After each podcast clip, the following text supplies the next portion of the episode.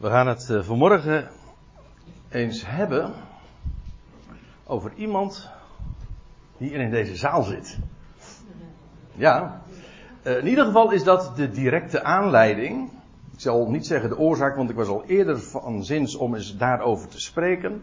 Maar de directe aanleiding dat we vanmorgen juist dit figuur, voor de eerste keer, want de volgende keer hopen we opnieuw uh, daar aandacht aan te geven, over deze persoon spreken. Um, misschien vinden ze het helemaal niet zo leuk dat ik dat nou vermeld, want ze zijn expres achterin gaan zitten. Maar uh, Etienne en Christa, die zijn drie weken geleden vader en moeder geworden van een, uh, een zoon. En hoe zal die heten, denkt u? Kain? Nee. Inderdaad, Jefta. We kregen een geboortekaartje en daar stond onder hij die opent. Want dat is namelijk de betekenis van die naam. En uh, ja, Jefta die is drie weken oud en uh, die zit met gespitste oren natuurlijk, of ligt daar met gespitste oren te luisteren, dat begrijpt u wel. Want ja, iedere keer als ik dan zijn naam noem, dan denk ik, hé, hey, word ik nou aangesproken? Maar, nou we hadden zo'n uh, een appwisseling nog eventjes met elkaar, Etienne en ik. En toen kwam zo de naam ook uh, naar voren. En ja, ik werd getriggerd. Want het is een boeiend figuur waar we het uh, over gaan hebben. Dit keer en de volgende keer. En misschien nog wel een keer, dat weet ik even niet. Een richter uit, ja, uit de richterentijd dus. En het is een van de bekendere. Ik zal niet zeggen de bekendste. Want dat is, lijkt mij toe, toch in ieder geval Simson. Met stip. Dan krijg je Gideon, dat is ook een bekende. Maar dan, de derde op rij is toch wel, en we vinden van hem ook een vrij uitgebreide geschiedenis, in twee hoofdstukken in ieder geval, in Richteren 10 en 11, de figuur van Jefta. Nou ja, er is er nog eentje, Abimelech, dat is ook een vrij uh, uitgebreide geschiedenis. En ja, wij gaan ons uh, vanmorgen eens richten op Richteren 11. Nou ja, ook het laatste gedeelte nog van Richteren 10. En misschien is het even goed om uh, in herinnering te roepen wat eigenlijk het idee is bij dat boek Richteren. Want daar zit een, een refrein in. Een telkens weerkerend refrein, een lijn die je iedere keer als je het boek leest in die, die uh, wat zijn het, 20, 21 hoofdstukken, 21, dan, dan zie je direct ook een patroon in dat boek terugkeren. De richtere tijd, dat is de tijd tussen de aankomst van Israël in het beloofde land en dat Israël een koning kreeg. De eerste was Saul en u weet het, de tweede, de definitieve koningshuis van David. En de richtere periode, dat is die periode die daartussenin ligt van dik 300 jaar, 350 jaar. Daar zullen we het nu even verder niet over hebben. Maar om eventjes die cyclus te laten zien, dat kun je heel makkelijk ook zo demonstreren. Je vindt dan dat Israël een bepaalde tijd vrede heeft, dat het goed gaat met het volk en het land. Vervolgens lees je dan dat Israël doet wat kwaad is in Gods ogen. Ze doen wat goed is in eigen ogen. Dat is ook zo'n staande uitdrukking. En ieder deed wat goed was in eigen ogen. Wat weer tot gevolg heeft dat Israël onder vreemde heerschappij komt. Dus iedere keer, of dat nou de Ammonieten of de Moabieten, uh, of welke Iten ook uh, zijn, maar in ieder geval, telkens komen ze onder de laars, onder de, de macht van een vreemde heerschappij en daar zuchten ze ook onder. Israël komt in benauwdheid. Maar juist door die benauwdheid en de druk waar ze onder komen te staan, en dat is, nou ja, in die hele, eh, het aantal richters, dat is nogal, dat, dat zijn er heel wat, want ik noemde zojuist even een paar bekende namen, maar er zijn ook, er worden ook namen genoemd die, uh, die nauwelijks worden toegelicht, waar we maar weinig van weten. Maar Iedere keer is dat het verhaal. En ik moet er ook trouwens bij zeggen, het is ook niet zo dat al die richters elkaar per se hebben opgevolgd. Maar ze hebben ook over verschillende plaatsen geregeerd of gericht. gericht en leiding gegeven aan het volk. Dat wil zeggen een deel van het, van het volk. Dus de richtere periodes overlappen elkaar ook deels. Afijn, Israël komt in benauwdheid. En dan in de benauwdheid keert het zich tot God. Zie je iedere keer weer opnieuw. Waarna God vervolgens luistert en hij verwekt hen een richter, een verlosser. Die hen dus daadwerkelijk ook verlost. Waarna vervolgens hetzelfde liedje weer opnieuw begint. Want dan heeft Israël vrede en dan, nou ja, en dan dit. En dit is dus iedere keer dan die, die richter die dan gaat optreden. Dat patroon zie je telkens weer en daar begin ik dan ook te lezen en het is tamelijk willekeurig dat ik nu in vers 15 begin, maar dat is eventjes om, om de sfeer nog te proeven van, zeg maar, van dit onderdeel van Israël keert zich tot God. Want dat is namelijk wat je in Richteren 10, nou moet ik even de Bijbel er zelf bij pakken, vindt vanaf vers 6. Israël, nou, nou, ja, ik kan het wel voorlezen. De Israëlieten deden opnieuw wat kwaad is in de ogen des Heren. Ze dienden de Baals, de Astartes, de goden van Aram, Sidon, Moab, de goden van de Ammonieten, van de Filistijnen. Maar de, maar de heren, Jaweh, verlieten zij en ze dienden hem niet. Nou ja, en dan komen de Ammonieten. En Israël komt onder de, de, druk te staan. En dan lees je, en toen zeiden de zonen van Israël tot Jaweh, uh, doet u, eigenlijk moet dat met een hoofdletter dus staan, met ons al, al wat goed is in uw ogen, alleen red ons alstublieft deze dag. De druk is zo groot. En dan lees je, en zij deden, want ze voegen ook de daad bij het woord, want ze keren zich tot God en ze deden de uitheemse, de vreemde goden uit hun midden en ze dienden Yahweh. En zijn, namelijk Gods ziel, zo staat het er, want dit is een wat letterlijke weergave. Als u een statenvertaling hebt, dan zult u zien dat het daar het meest nog op lijkt. Wat u hier ziet. Een vrij een letterlijke weergave. En zijn, Gods ziel, werd ongeduldig in Israëls ellende. Uh, in de MBG staat het wat vrijer weergegeven. Hij kon niet langer aanzien, de Heer kon niet langer aanzien Israëls ellende. Dus ja, zijn ziel werd ongeduldig. Dat wil zeggen, hij ging nu ingrijpen. Dat geeft mij trouwens meteen ook even de gelegenheid om eh, even de structuur te laten zien van de passage die we vanaf nu dan ook gaan lezen. Vanaf hoofdstuk 10 vers 17 tot 11 vers 11. Zo ver gaan we vanmorgen. Uh, dan lees je de Ammonieten vallen binnen. Dan blijkt er een aanvoerder nodig te zijn. En degene die zich aandient, die wordt verworpen. Vervolgens uh, lees je dat de Ammonieten strijden. En Jefta wordt geroepen. En Jefta wordt vervolgens ook daadwerkelijk aangesteld. In werkelijkheid gaat deze structuur, die u hier dus ziet, waarbij dit, het is mooi om dat grafisch ook uit te beelden, dit komt overeen met dat, en u ziet het ook aan de kleurtjes, aanvoerder nodig en Jefta wordt dus geroepen. Een aanvoerder wordt verworpen en hier wordt Jefta aangesteld. Dat loopt al parallel. In werkelijkheid gaat deze structuur nog een heel stuk door, tot het einde van de hele geschiedenis van, van Jefta. Maar dat laat ik nu niet zien, omdat dat toch niet aan de orde komt. Maar het is heel mooi om zulke, om zo'n overzicht ook van uh, een passage te hebben. Waardoor het, uh, het geheel ook uh, ja, met recht structuur en krijgt en, en body. Het is opgebouwd op een logische wijze. Die je misschien niet eens direct opvalt als je dat zin, zeker niet als je het zinsdeel voor zinsdeel allemaal leest. Maar dat gaan we juist vanmorgen wel doen. We gaan wat wat inzoomen, zoals u dat uh, gewend bent in deze bijeenkomsten. Dan lees je de Ammonieten, of eigenlijk letterlijk de zonen van Ammon, legerden zich in Gilead. Nou, dat moet eens, lijkt me even goed om even een uh, idee te hebben van waar we het dan over hebben.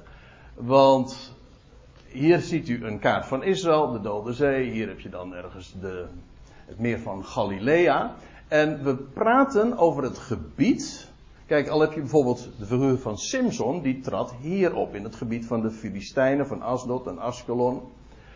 En al die richters die worden weer ergens anders meestal gelokaliseerd. Maar hier vindt de geschiedenis van Jefta plaats in het Oost-Jordaanse. Hm? Dit is de, wat dan heet de Westbank. Nou, is ook een vrij moderne term natuurlijk. Maar in ieder geval, dit is de Oostbank. Uh, dat is trouwens interessant, want Ammon is eigenlijk gewoon hetzelfde wat wij nu nog kennen als Amman. De hoofdstad van Jordanië. Het ligt, je hebt hier Rabba Ammon, maar daar ligt nu dus Amman. En dit, die namen herinneren dus direct ook aan dat uh, verleden. We praten nu dus over pakweg, uh, wat zal het zijn, uh, eh, 3200 jaar geleden heeft dit zo plaatsgevonden. En hier heb je het gebied van Gilead en hier woonden de Ammonieten, hier de Moab, Moab, eigenlijk Ammon en Moab, dat is interessant, want dat weten we uit het boek Genesis, dat waren de twee zonen van Lot. Dus het waren broedervolkeren. En als je het, eh, als je het helemaal goed bekijkt, dan is Israël ook een broedervolk nog van de Ammon en Rab, van, uh, van Moab natuurlijk. Het is allemaal verre familie. It's all in the family. En ja, hier heb je Gilead. Ik wilde nog. Oh, hier heb je een gebied dat heet Top. Tof. Maar daar gaan we het straks nog even over hebben. In ieder geval, hier over dit gebied spreken we. Eh, de zonen van Ammon, die legerden zich in Gilead. Uh, dit, dus, dat is geen plaats dus, maar dat is een gebied. En ik, kom daar straks trouwens nog eventjes op terug. En nou, dat doe ik trouwens meteen. De zonen van Israël legerden zich in Mispa. En dat is een gebied, dat is dus een plaats in Gilead. En die plaatsnaam betekent wachttoren. Kennelijk was, eh, dan mag je aannemen dat de plaats erg strategisch lag in de hoogte, zodat men overzicht had. En vandaar ook dat het dus een wachttoren heet. Interessant is dat die namen allemaal herinneren aan geschiedenissen die we al in het boek Genesis treffen. Alles hangt met alles samen. En daar vinden we vaak de, de contouren, de blauwdruk al van, van wat later zich dan uh, gaat ontvouwen en veel meer uh, zich ontwikkelt. Want in de geschiedenis van Jacob en Laban, dan lees je in Genesis 31, en het gaat me nu even helemaal niet om de aanleiding, de geschiedenis, maar het gaat me even om die, die namen. Dan staat er, en Laban zeide, deze steenhoop, dus hadden namelijk een, een, een verbond gesloten en uh, als een, als een monument hadden ze stenen opgestapeld, dat werd heel dikwijls gedaan, opge, een steen opgericht, dat is een prachtig type. Wij zijn dat soort gedachten en associaties helemaal kwijtgeraakt, maar goed, Laban en Jacob wisten hier nog van. Deze steen hoop zij heden getuigen. Trouwens, Kijk, ik moet er zomaar aan denken dat uh, Jacob wist daar alles van, want die had ooit een droom gedroomd. Bethel noemde hij die plaats en die had toen ook een steen, de steen waar hij zijn hoofd opgelegd had, toen opgericht en vervolgens had hij die steen gezalfd. Ja, prachtig beeld van de opgewekte Christus. De steen, de steen, de Eben, heeft hij opgericht en vervolgens overgoten met olie, met geest en, en hier lees je ook over een steenhoop die tot een getuige gesteld wordt tussen mij en u. Daarom noemde hij hem Gilead. En als je nou helemaal geen Hebreeuws kent, dan weet je één ding in ieder geval. Als je gewoon, uh, dat is een kwestie van begrijpen lezen. Oh, dan moet Gilead kennelijk zoiets betekenen als uh, een, iets te maken hebben met, met getuigen. En dat klopt ook, want Gilead, dat Gilead heeft te maken met een hoop, een hoop, een steenhoop. En dat Ad, dat heeft te maken met getuigen. Dus dat is het Hebreeuws. En Gilead heeft dus eigenlijk te maken een steenhoop die tot een getuigenis gesteld wordt. En ook Mispa. Hij noemde hem Gilead en ook Mispa. Ziet u precies de namen die we hier in Richteren dus tegenkomen. En ook Mispa, want hij zeide, ja wij houden wacht. Dan weet je ook meteen waarom het zo genoemd werd. Ik, ik zei zojuist, het is, heeft een strategische positie gehad. Uh, je zou ook goed kunnen verdedigen dat het gewoon is omdat het herinnert aan het feit dat Jacob ooit heeft gezegd: Ja, we houden wacht. Tussen mij en u, wanneer wij van elkaar gescheiden zullen zijn. Dus dat werpt licht op uh, deze geschiedenis, de, de, de plaatsnamen. Herinneren dus aan wat er, uh, nou pakweg 800 jaar daarvoor had plaatsgevonden. Toen zeiden, ik ga weer terug naar Richter 10. Toen zeiden de oudsten van het volk van Gilead, de een tot zijn naaste, wie is de man die de strijd begint te midden of tegen, te midden van of tegen, dat hangt er een beetje vanaf, eigenlijk letterlijk staat te midden van de zonen van Amon. En dan voegen ze eraan toe, hij zal tot hoofd worden van alle inwoners van Gilead. Er wordt gezocht naar iemand die de strijd gaat aanbinden. Maar ze weten niet wie. Nou, en dan begint, en nu vangen we aan in Richter 11, vers 1. En Jefta, de Gileadiet, was een dapper held. Hij was de zoon van een hoer. Gilead had Jefta verwekt. Maar eerst even dit. En Jefta. Nou, ik zei u al, het geboortekaartje had ons al op weg geholpen. Betekent hij die opent. We hebben daar eh, zojuist. Dat was eigenlijk ook eh, de reden waarom we dat lied zongen zojuist over dank u voor. En dat eindigde dan met dank u dat u de vensters opent voor uw stralend licht. Ja, hij opent. Maar moet je eens opletten, dat woord Jefta, hier is de naam. Maar als je Jefta uh, in een concordantie, in een Hebreeuwse concordantie, gewoon de taal dus waarin dit is, in het origineel is opgetekend. Als je Jefta opzoekt, dan kom je het in allerlei andere verbanden tegen. Als naam in deze geschiedenis. Maar hij opent in Genesis 8, vers 6, dat is de geschiedenis van Noach. Dan lees je, en Noach, hij opende het venster. En dan staat gewoon in het Hebreeuws dan, Jefta.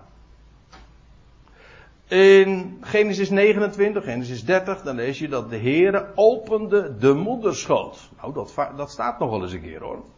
Het zou zomaar kunnen dat Jefta ook uh, Jefta genoemd werd, omdat, omdat daarmee ook gezegd wordt, God had de moederschoot eh, geopend. Dat weet ik niet. Hij opent. De moederschoot. En ja, er gaat wat open in de Bijbel hoor. Uh, de, in Genesis 41, daar lees je over Jozef die de graanschuren voor de wereld opende. Had eerst jarenlang, zeven jaar, had hij die graanschuren gevuld. Zodat er enorm potentieel, een enorm reserve was. En vervolgens wordt, als, als, de, als de redder der wereld, opent hij de graanschuren. Uh, in nummer 22, het is, ik ik ben niet volledig, maar ik geef zo een paar frappante voorbeelden. Dat je de naam of het woord Jefta tegenkomt. Dan lees je in nummer 22 in de bekende geschiedenis van, van Biliam. Hij opende de mond van de ezelin. En moet je zien wat er dan gaat gebeuren. Of dan moet je horen wat er dan gaat gebeuren. Dan gaat een ezel spreken. U zegt, dat hoor ik ook wel eens. Nee, maar dat bedoel ik. Dit was echt een ezel, hè?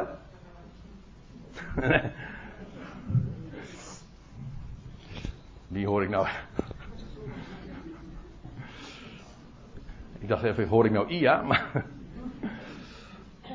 Nee, de, de mond van een ezelin. Of in 1 Samuel, de deuren van Gods huis worden geopend. Of in Nehemia 8, het boek van de onderwijzing van de Torah, de schriftus werd geopend. In Job 11, God die de mond opent, of de lippen opent. Nou, je zou door kunnen gaan. In, uh, maar goed, dan komen we in, inmiddels in het Nieuwe Testament. En dan zie je niet zozeer de naam Jefta. Maar dan lees je over Lydia. Uh, God die haar hart opent. Heel interessant als je het in, het, uh, in Lucas 24 leest. De geschiedenis van die Emma-usgangers. Dat dat, dat er in dat hoofdstuk ook van alles open gaat. Eerst gaat het graf open, de steen wordt weggewenteld, de schriften gaan open, hun hart wordt, ging open, hun verstand werd geopend, alles ging open. Nou ja, dat is Jefta. Die naam herinnert dus eigenlijk aan het vermogen dat God heeft en wat Hij doet. Hij opent. Waar alles potdicht is, Hij opent. En laat ik u dit vertellen. De naam verwijst natuurlijk naar wie God is, maar ook hoe hij zich openbaart. En ik zal, zal ik u dit zeggen. Jefta is, laat ik dat meteen maar zeggen. Het is heel onbekend, maar het is echt een type van de Heer Jezus Christus. En het verbaast mij, want ik heb natuurlijk echt wel wat voorstudie gedaan voordat ik hier nu eh, over spreek, dat begrijpt u. Maar het verbaast mij hoe dat in allerlei commentaren compleet genegeerd wordt. Die lijn eigenlijk, als u mij vraagt, het allerbelangrijkste. Als de schriften open gaan, als de schrift echt open gaan, dan, dan ontdek je hem. Maar meestal wordt deze geschiedenis uh, heel moralistisch benaderd. Van ja, nou ja, goed. De, de, Jefta, de Gileadiet was een dapper held. Een exact dezelfde benaming die je ook tegenkomt in verband met de geschiedenis van David. Was ook een dapper held of een, uh, een machtig of een vaardig man. Een bekwaam man. Hangt er een beetje van af uh, waar het accent ligt. Maar hij was een. Hij, dit wordt al van hem vermeld. Dat wil ik wel eventjes nog benadrukken. Dit wordt al van hem vermeld voordat uh, het, de rest wordt kenbaar gemaakt. Dus hij had zich al onderscheiden. Hij was een dapper held. Hij was, en ik zei zojuist, ja, meestal wordt de geschiedenis dan moralistisch benaderd. Zo van wat was goed en wat was goed en niet goed. Hij was de zoon van een hoer. Uh, we zullen dat de volgende keer trouwens ook zien, want Jefta is vooral bekend geworden vanwege de geschiedenis met zijn dochter. Nou ja, ik ga dat ga ik nu niet vertellen, daar hebben, we de, daar hebben we het de volgende keer over. Dus bijzonder boeiend. Maar uh, ook dat wordt altijd weer, voor zover er over gesproken wordt, uh, de geschiedenis wordt bekeken van wat betekende dat wat Jefta nou met zijn dochter gedaan heeft, maar ook uh, vooral was het goed of was het niet goed, had hij dat wel mogen doen of niet mogen doen. altijd in de, in de sfeer van de ethiek, van de moraal, van de wet. En ja, als Jefta dan hier geïntroduceerd, hij was de zoon van een hoer, ja, een onwettig kind. Maar ik moet erbij zeggen, als je ook dit weer eventjes in een breder perspectief plaatst, gewoon van de schrift, ja, in de Bijbel, wat een hoer, dan is dat bij de profeten, keer op keer, bij Jeremia, bij Ezekiel, bij Hosea, keer op keer de aanduiding van het volk van Israël zelf. En dat lijkt mij veel zeggen. Hij was de zoon van een hoer, maar hou hem even vast. Hij was afkomstig uit, zeg ik er dan bij, uit het volk dat, dat uh, voor de Heer een hoer was. Dat wil zeggen, die, uh, een hoer is feitelijk, dat is dan ook de gedachte, die andere mannen achterna loopt. Ze was getrouwd, Israël was getrouwd in een verbondsrelatie, een huwelijksverbond met de Heer, met Yahweh hun God. En ze hadden hun echtelijke woning, het land enzovoort. Er was een bruiloft aan vooraf gaan. Al, al die symboliek zie je er allemaal bij. Maar de vrouw ging andere mannen, andere goden achteraan. Dat is hoererij. Nou, even. Jefta, hij was de zoon van hoer. En Gilead had Jefta verwekt. Dat is eigenaardig. Want uh, Gilead, hadden we zojuist gelezen, dat was het woongebied van Jefta. En hier is het de naam van zijn vader. Gilead is de naam die heel prominent in deze geschiedenis naar voren wordt gebracht. Gilead, u weet het. De steenhoop der getuigen. Dus het was het gebied waar, waar Jefta woonde. Maar het was ook de naam van zijn vader. Verwekt door dus. Ja, Gilead had Jefta verwekt. En we lezen even verder. Gilead, uh, Gileads vrouw baarde hem zonen. En toen de zonen van de vrouw opgroeiden, dreven zij Jefta uit.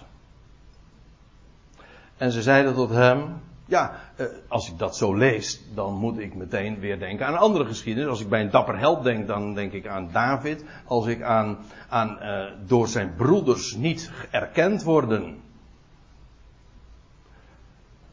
en vervolgens ook uitgedreven worden, ja, dan denk je natuurlijk aan de beroemde geschiedenis van Jozef, die door zijn broeders naar, verkocht werd naar Egypte.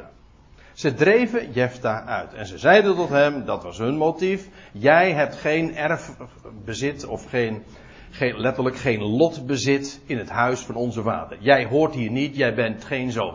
Jij bent niet de zoon. Omdat je de zoon van een andere vrouw bent.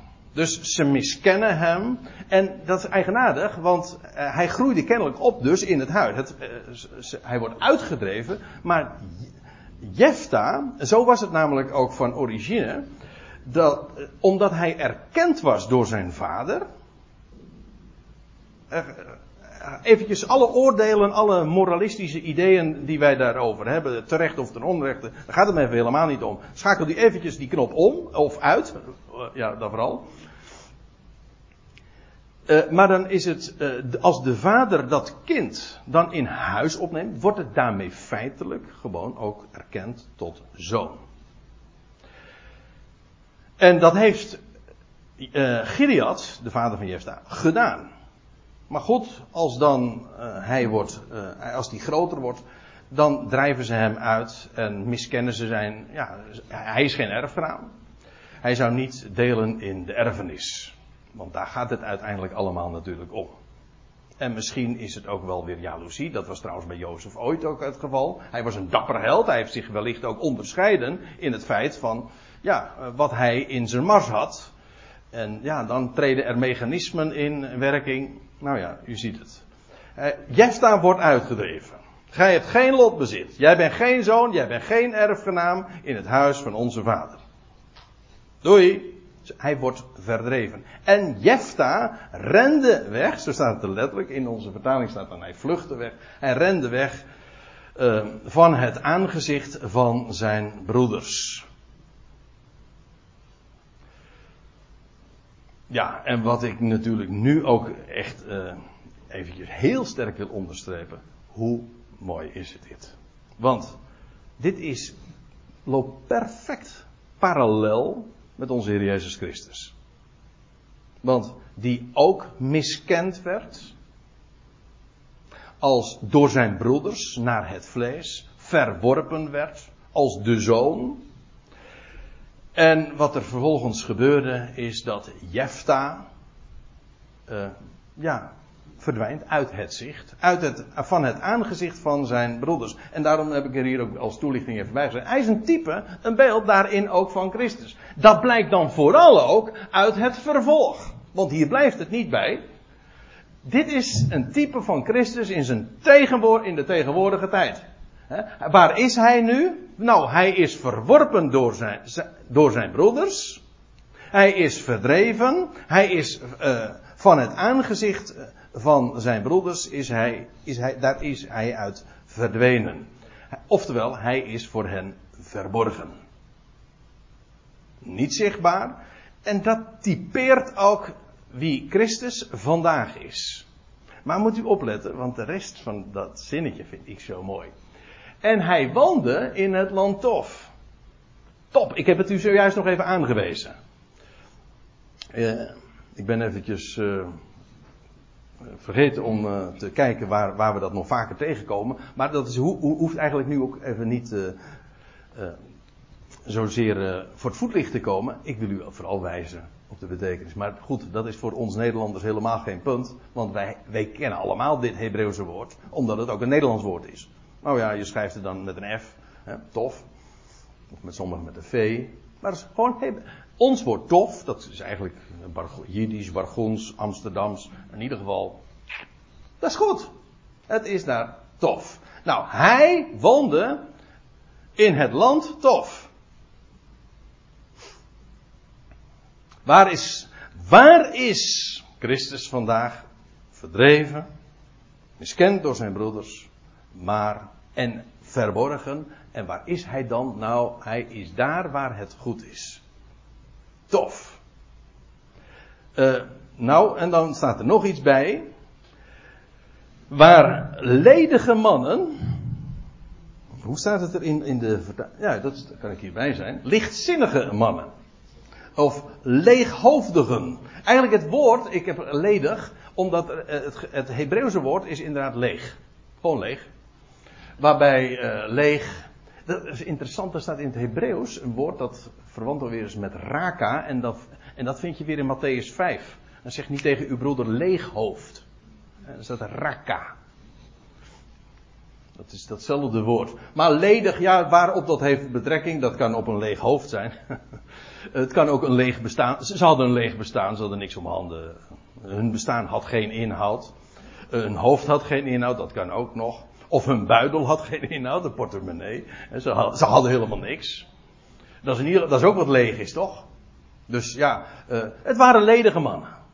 Het lijkt me in ieder geval geen compliment. Het waren ledige mannen. Waar ledige mannen zich verzamelden tot Jefta en erop uittrokken met hem. Wij zouden zeggen, nou dat was gewoon een struikrover. Hm? Een soort uh, Robin Hood of zo. Uh, ik ben bang dat we dan toch de, de echte zin, de echte betekenis ervan uh, kwijtraken op het moment dat je het op die manier bekijkt.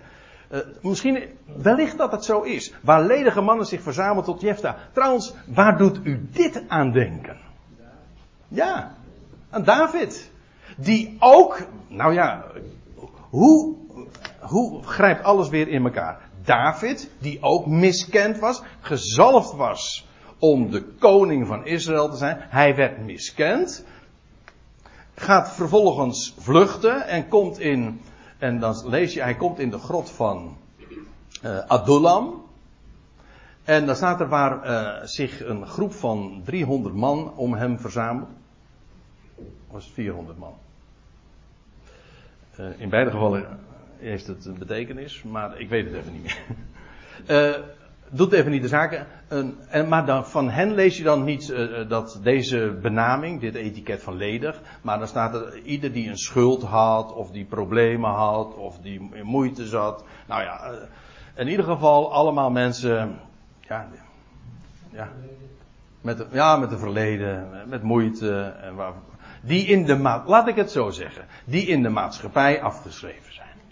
Niet in tel zijn, en dat is precies ook wat er dan gebeurt, want ze bevinden zich ook niet in de maatschappij, buiten de maatschappij.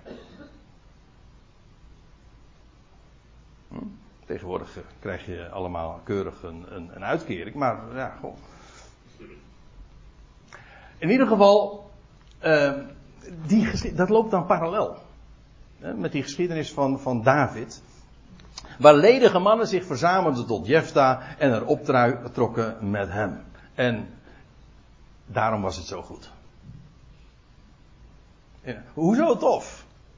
Nou, het is namelijk helemaal geen probleem als je ledig bent. Sterker nog, dat heeft een heel groot voordeel. Als een vat leeg is, dan uh, heeft dat het grote voordeel dat je er wat mee kunt doen, namelijk dat, je het, dat het gevuld kan worden.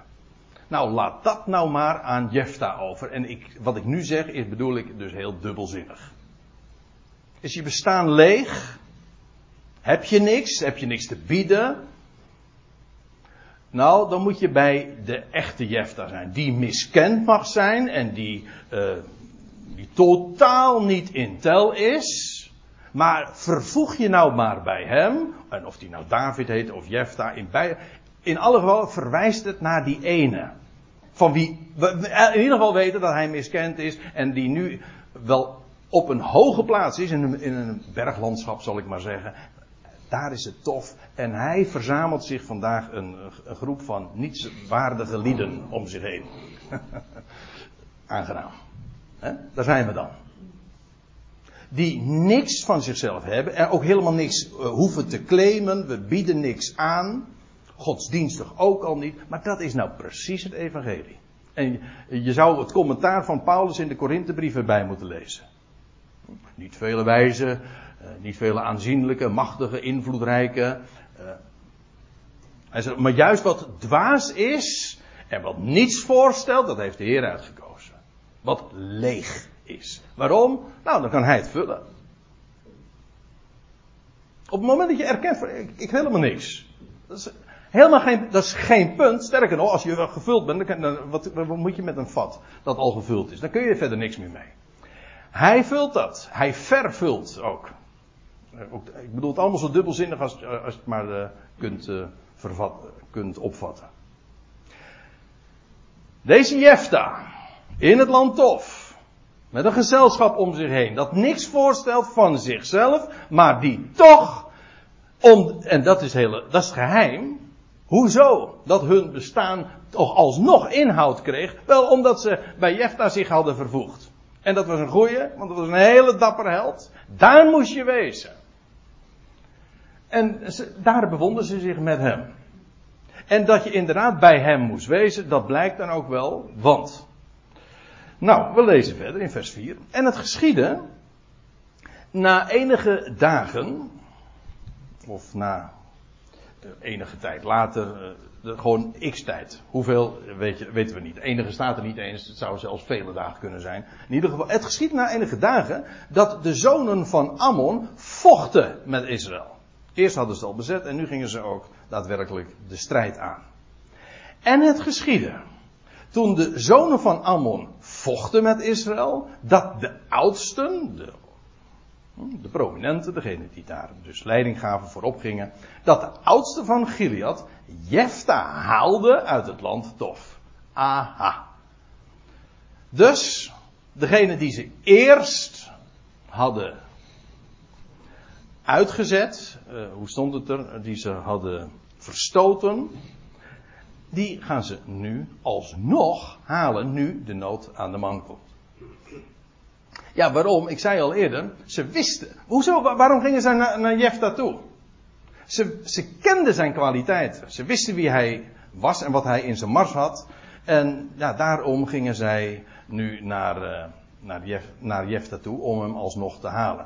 We lezen verder. En ze zeiden tot Jefta: Ga en wees ons tot aanvoerder. En wij vechten te midden van de zonen van Ammon. Het enige wat ze vragen feitelijk is: Jij moet ons leiden. Wij vechten, jij leidt ons. Jij voert ons aan. Jij gaat voorop. Ja, u begrijpt wat Jefta dan gaat zeggen. Een heel logische reis. En Jefta zei tot de oudste van Gilead. Haten jullie mij niet dan?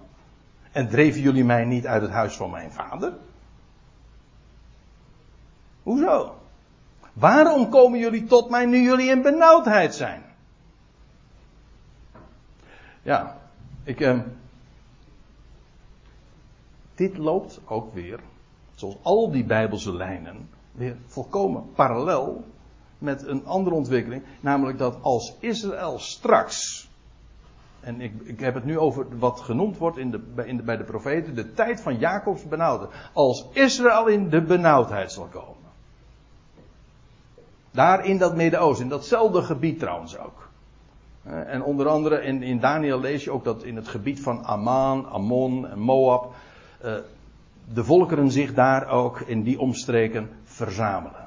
Dan komen ze in de benauwdheid en dan zullen ze toch uiteindelijk weer aankomen bij hem. Dan zullen ze de naam aanroepen en hij zal zich ook aandienen.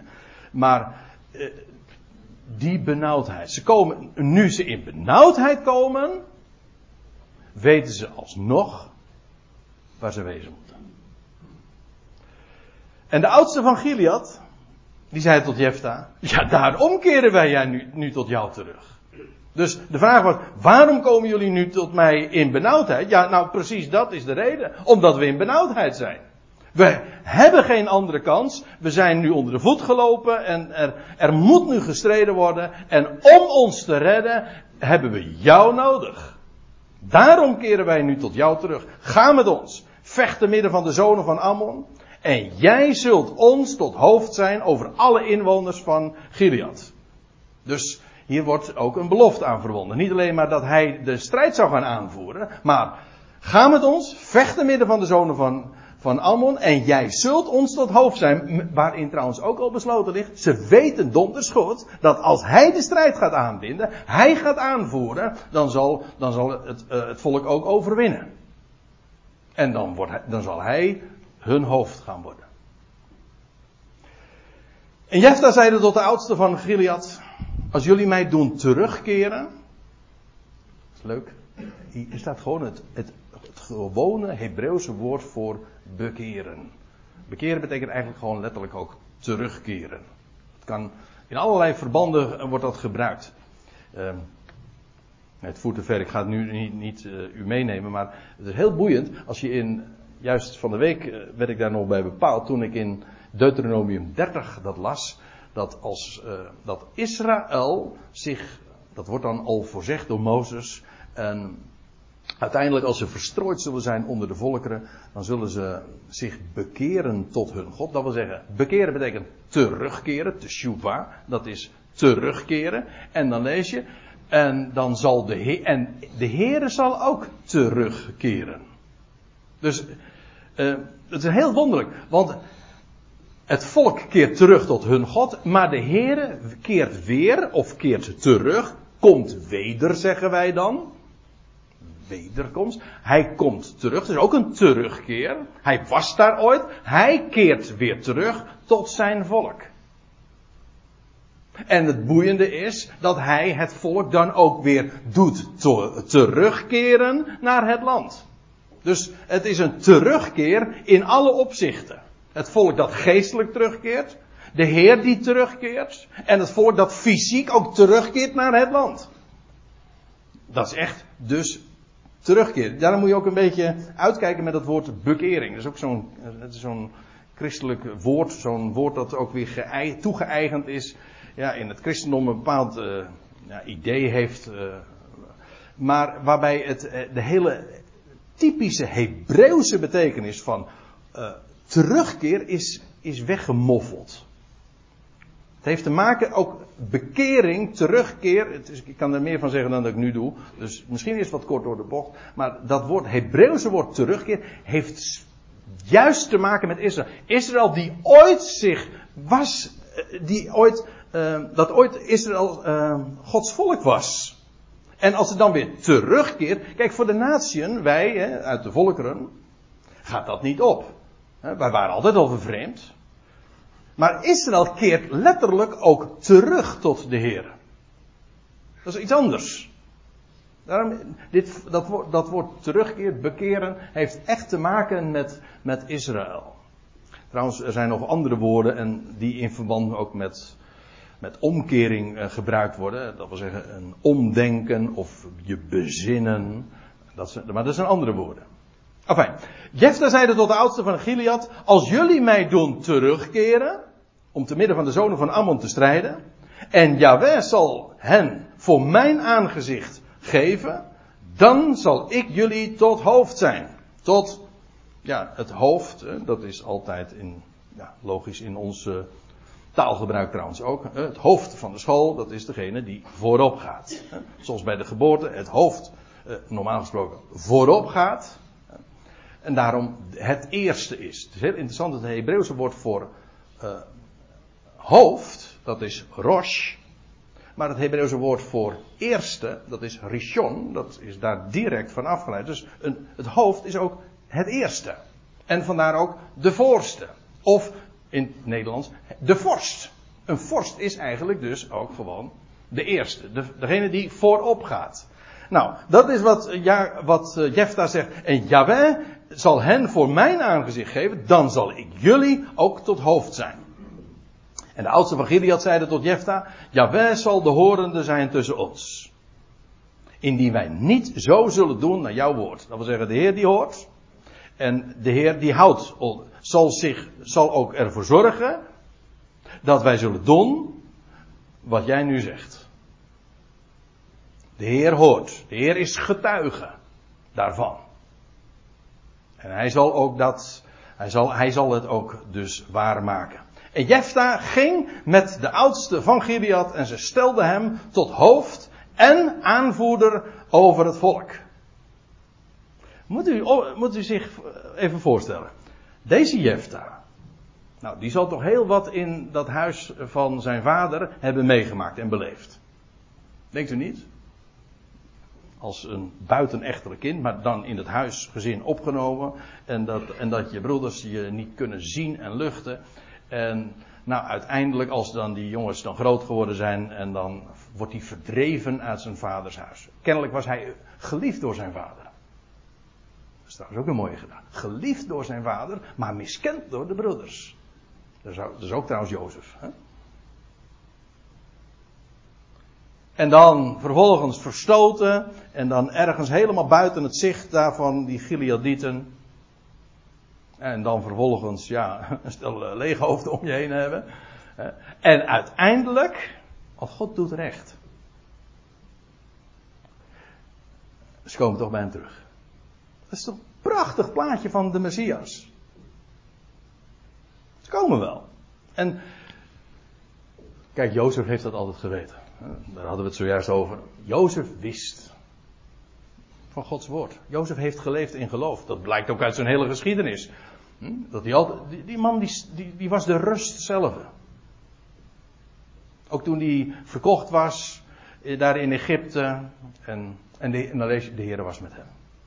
Want dan kan je miskend zijn.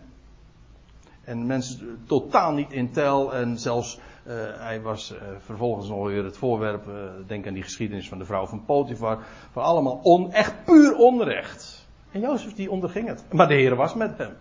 En, en alles wat Jozef zijn hand aanpakte, dat deed de Heer gelukken. Dus ja, Jozef was ook onaantastbaar daarin. Die wist, die wist, ja, hij had ooit die dromen, die visioenen van God gehad. Hij wist wat God van zins was te doen.